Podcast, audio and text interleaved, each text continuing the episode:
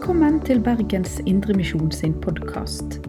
For mer informasjon om oss, besøk oss på betlehem.no, eller finn oss på Facebook og Instagram der som Bergens Indremisjon.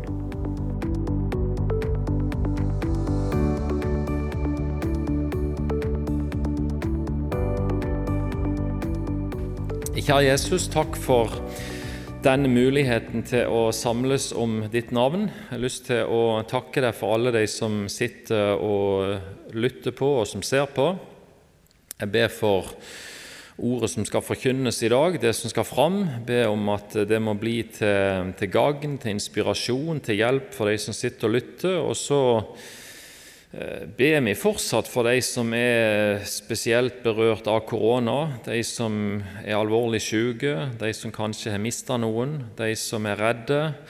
Eh, vi ber om at du må være med landet vårt og egentlig hele situasjonen i verden. Eh, og vi takker deg for at det er ting som tyder på at, at det går i riktig retning, men vi takke deg for at du uansett er med oss, om det er vanskelige tider eller om det er gode tider. Det takker vi deg for. Amen. Ehm, det er jo sånn at, eh, at eh, vi har en tanke i dag om å, om å lese søndagens tekst eh, for, for, dagen i dag. Ehm, og den er det kanskje noen som, som vet hvor står henne. Den er henta ifra Johannes 15 eh, og vers 26 og 27. Kun to vers. Så de starter vi opp med å lese. Der står det:" Når talsmannen kommer, Han som jeg skal sende dere fra Faderen, sannhetens ånd som utgår fra Faderen, da skal han vitne om meg.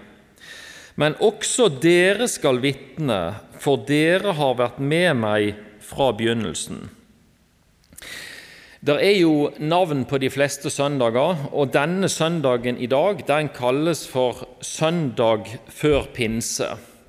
Eh, og jeg tenker at det var en veldig sånn spesiell uke eller spesielle dager for disiplene. Fordi at Kristi himmelfartsdag er, er skjedd, Jesus har reist ifra dem, og så denne søndagen da, så venter en på mange måter til pinsa kommer, som da er det neste store som skal skje. Eh, det er jo det ene, men jeg tror det var spesielle tider fordi at eh, disiplene jo hadde vært med Jesus i ca. tre år. Kanskje de hadde vært sammen daglig eh, i tykt og tynt. Og Jesus hadde jo på en måte vært den som kanskje holdt flokken samla. Eh, og nå var han reist, og selv om de hadde fått noen signal om kanskje det som skulle skje videre, så tror jeg likevel at disiplene var ganske spente og ganske usikre i denne tida her. Og Det som vi leser om her fra Johannes 15, det er jo en del av det som vi kaller for Jesus sin avskjedstale. Og Hvis vi kan oppsummere den litt sånn kort, så kan vi kanskje si at Jesus gjennom denne avskjedstalen prøver å forberede disiplene på det som skulle komme. Det var jo noen ting som mest sannsynlig kanskje var ganske klart for dem, men det var òg veldig mange ting som var uklart, som var usikkert, og som de var veldig spente på. Men Jesus sin avskjedstale den handler om å prøve å forberede dem litt på det som skulle komme. Det første, det første, verset som vi leste i teksten i dag, vers 26, den handler jo i veldig stor grad om Den hellige ånd. Det blir brukt eh, et par ulike navn på Den hellige ånd i dette verset. Eh, I starten så brukes ordet 'talsmannen', og litt lenger uti så brukes 'sannhetens ånd'. Men vi snakker om Den hellige ånd. Og vi vet det at Den hellige ånd det er en del av treenigheten. ikke sant? Gud, Jesus den hellige ånd, samme person, disse tre i ett. Og jeg tror i våre sammenhenger at kanskje dette med Den hellige ånd har vært litt sånn diffust. Litt sånn eh, vanskelig å gripe. Litt vanskelig å få tak på, i motsetning kanskje til Gud og til Jesus. Og kanskje tenker vi ofte at Den hellige ånd, da snakker vi om litt sånn eh, store, svære ting, mirakler, eh, som skjer, og det kan det jo handle om. Men jeg hadde lyst til at vi skulle lese noen vers i kapittel 16 i, vers, i, i Johannes eh, evangeliet, kapittel 16 og, og, vers 7 og utover. For der, der står det ganske sånn konkret oppgavene til Den hellige ånd. Fra vers 7 så står det Men jeg sier dere sannheten. Det er til gagn for dere at jeg går bort, for dersom jeg ikke går bort, kommer ikke talsmannen til dere. Men går jeg bort, da skal jeg sende ham til dere. Og når Han kommer, altså Den hellige ånd, skal Han overbevise verden om synd og om rettferdighet og om dom. Om synd fordi de ikke tror på meg, om rettferdighet fordi jeg går til Faderen og dere ser meg ikke lenger, om dom fordi denne verdens fyrste er dømt.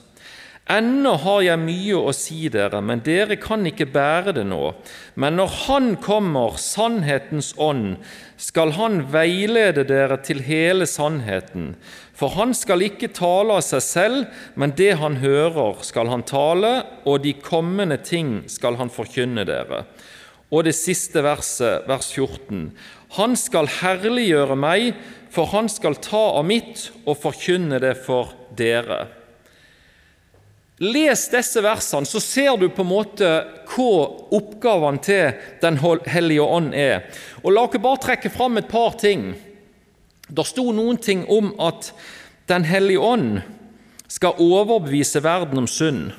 Det betyr at når et menneske, f.eks.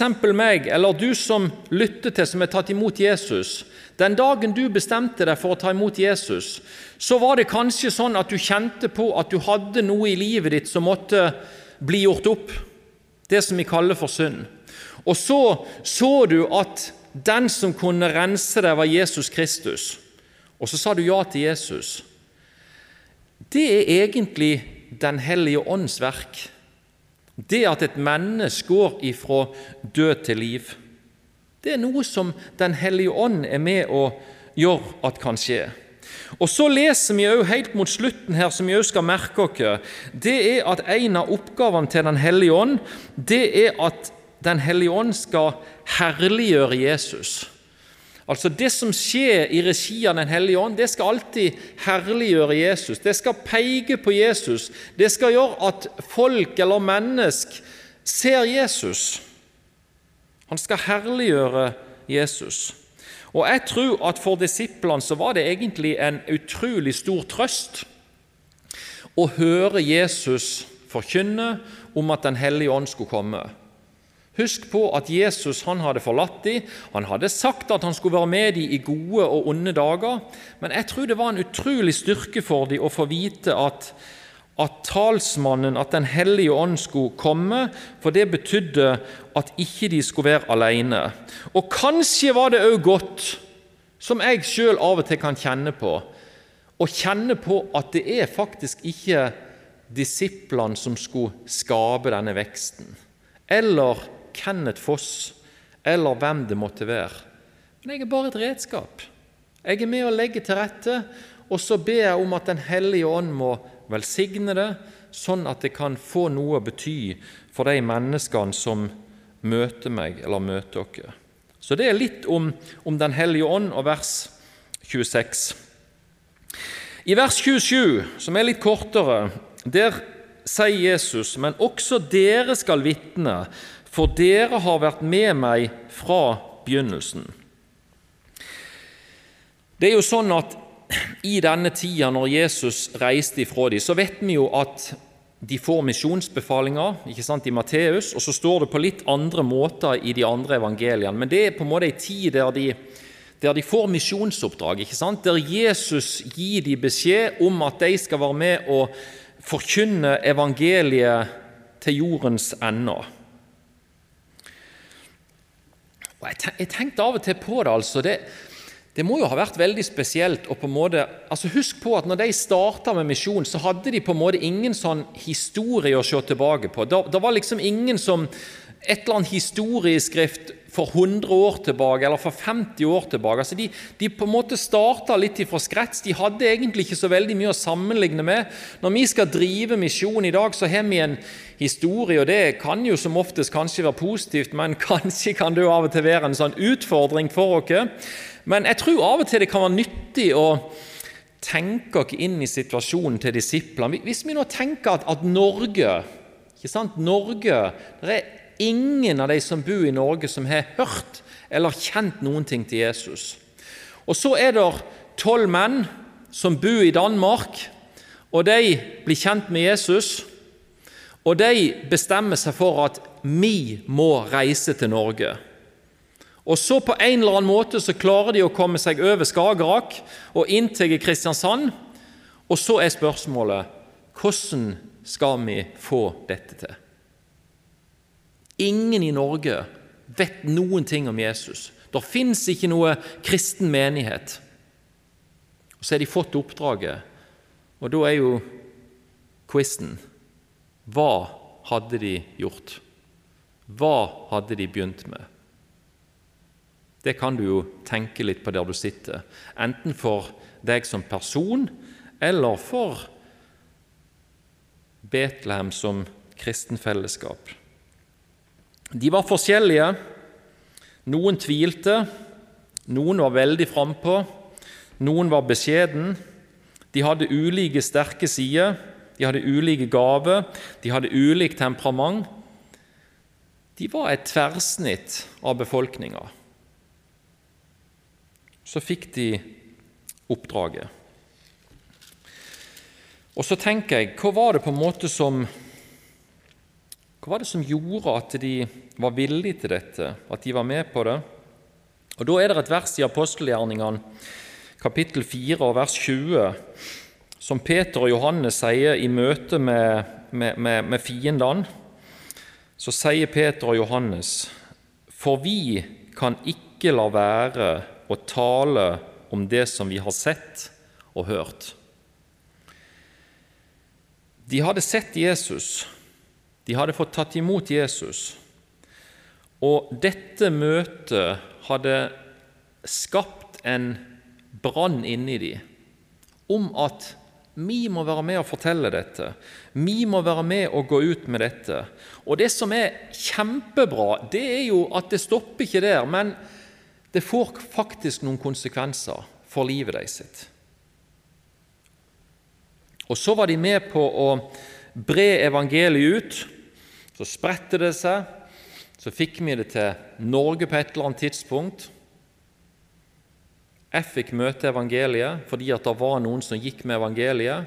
Du som sitter hjemme og ser på, du har noen som på et eller annet tidspunkt har vært med og gitt deg evangeliet. Og Kanskje er dette en dag der vi skal takke spesielt for deg. Og så kjenner vi at på samme måte som at disiplene er med på dette, så skal vi få lov til å være med på dette. Og Jeg har tenkt på et spørsmål. Hva er min eller din hensikt på jord? Hvorfor lever jeg? Hvorfor er jeg her?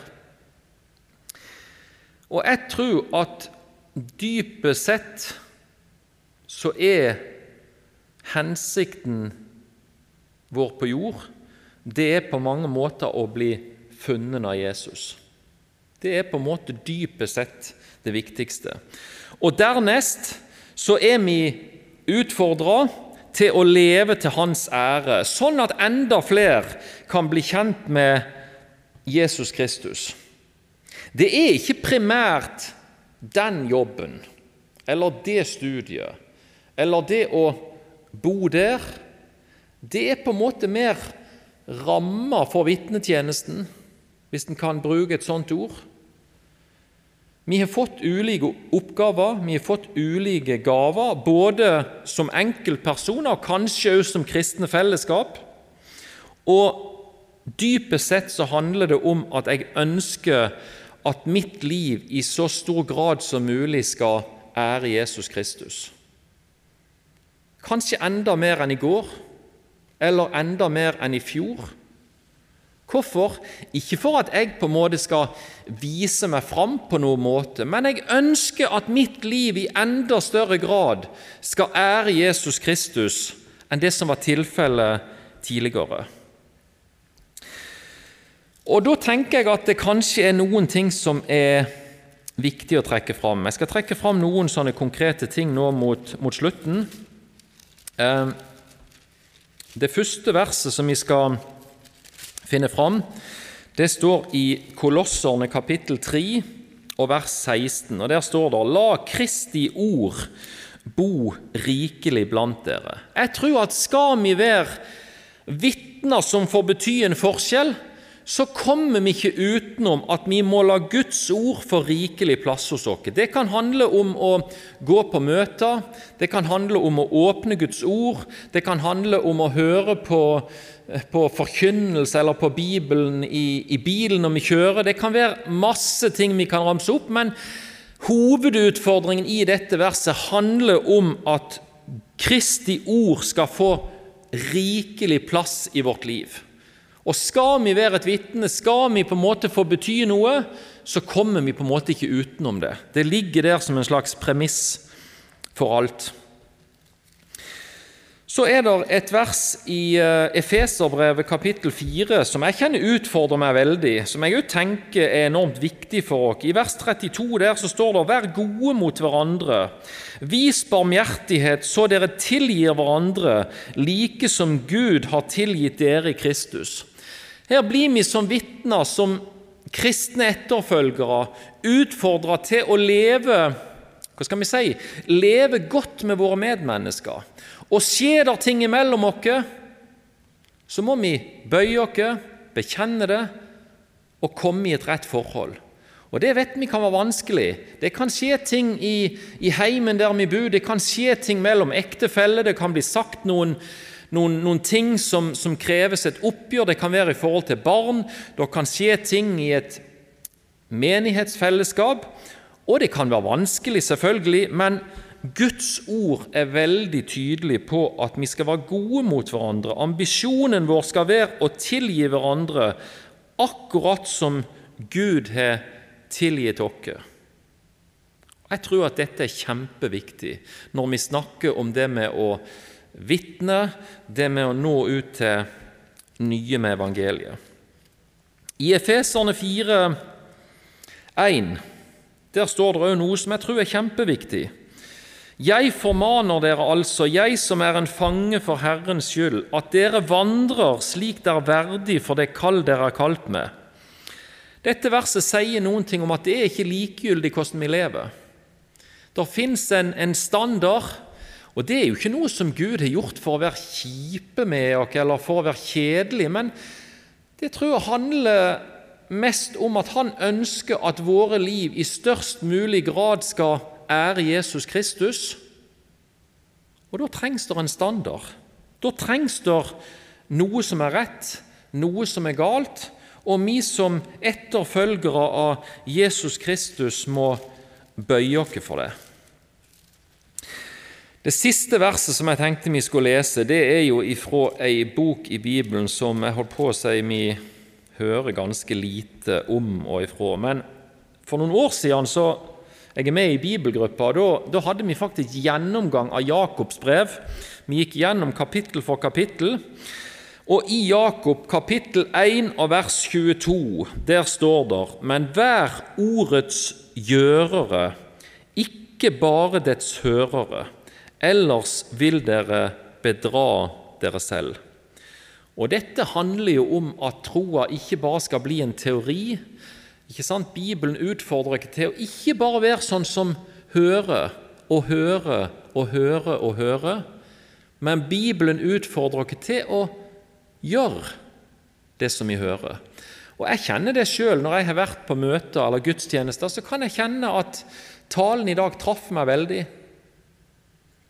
traff meg veldig. Og jeg kan snakke med de andre om hvor bra det var. Så går jeg hjem, og så lever jeg akkurat som før. Det er så vanskelig på en måte å komme ut av disse grøftene eller disse hjulsporene som vi er kommet inn i. Men Bibelen her utfordrer oss til å være ordets gjørere. Og Det kan jo handle om veldig mye. Og Det handler ikke om at vi skal gjøre dette for å vise oss fram på noen måte, men vi ønsker at våre liv i enda større grad skal ære Jesus Kristus enn i går eller i forgårs. Det kan jo handle om å engasjere seg i menigheten. Det kan handle om å drive et barnearbeid i det byggefeltet som jeg bor i. Det kan handle om at i disse koronatidene så vet vi at det er noen som kanskje på en spesiell måte trenger en hilsen. Og Av og til er det jo sånn at vi blir minnet på noen sånne ting, og som oftest er det i hvert fall sånn i mitt liv at det går inn der og ut der, og så gjør jeg ingenting med det. Men kanskje er det jo sånn at disse navnene eller disse personene som dukker opp i tankene våre, kanskje er det et eller annet som Gud prøver å si oss. Og kanskje kan det være en utfordring i, i, i disse tider om at vi kanskje kan gå litt over grensene, våge oss inn på noen nye ting. Fordi at vi ønsker å være ordets gjørere, og ikke bare sånne som hører. Og Så kan det godt være nå at dere som sitter og ser på, kjenner seg eh, små og kjenner på at alle disse tingene, enten det handler om Bibel, eller det handler om tilgivelse, eller det handler om vandringen, eller det handler om å være ordets gjøre, så kjenner dere at dere er svikta. Ikke sant? Vi kjenner det alle. Og Det som er så utrolig flott, da, det er jo det at vi kan bøye oss for Gud, og så kan vi bekjenne våre synder, og så kan vi be Han om at vi må få lov til å starte på nytt, og at vi på nytt kan få lov til å be Gud om å hjelpe meg på vandringen med det som er vanskelig, og det som kan være utfordrende. Og til slutt, på vegne av denne teksten som vi leste i dag, så har jeg lyst til å bare ønske lykke til med, med vitnetjenesten. Lykke til med oppgavene i Guds rike. Og måtte det være sånn at de oppgavene du står i, at det kan bli til velsignelse for noen. Amen. Du har lytta til Bergens Indremisjon sin podkast. For mer informasjon om oss, besøk oss på betlehem.no, eller finn oss på Facebook og Instagram der som Bergens Indremisjon.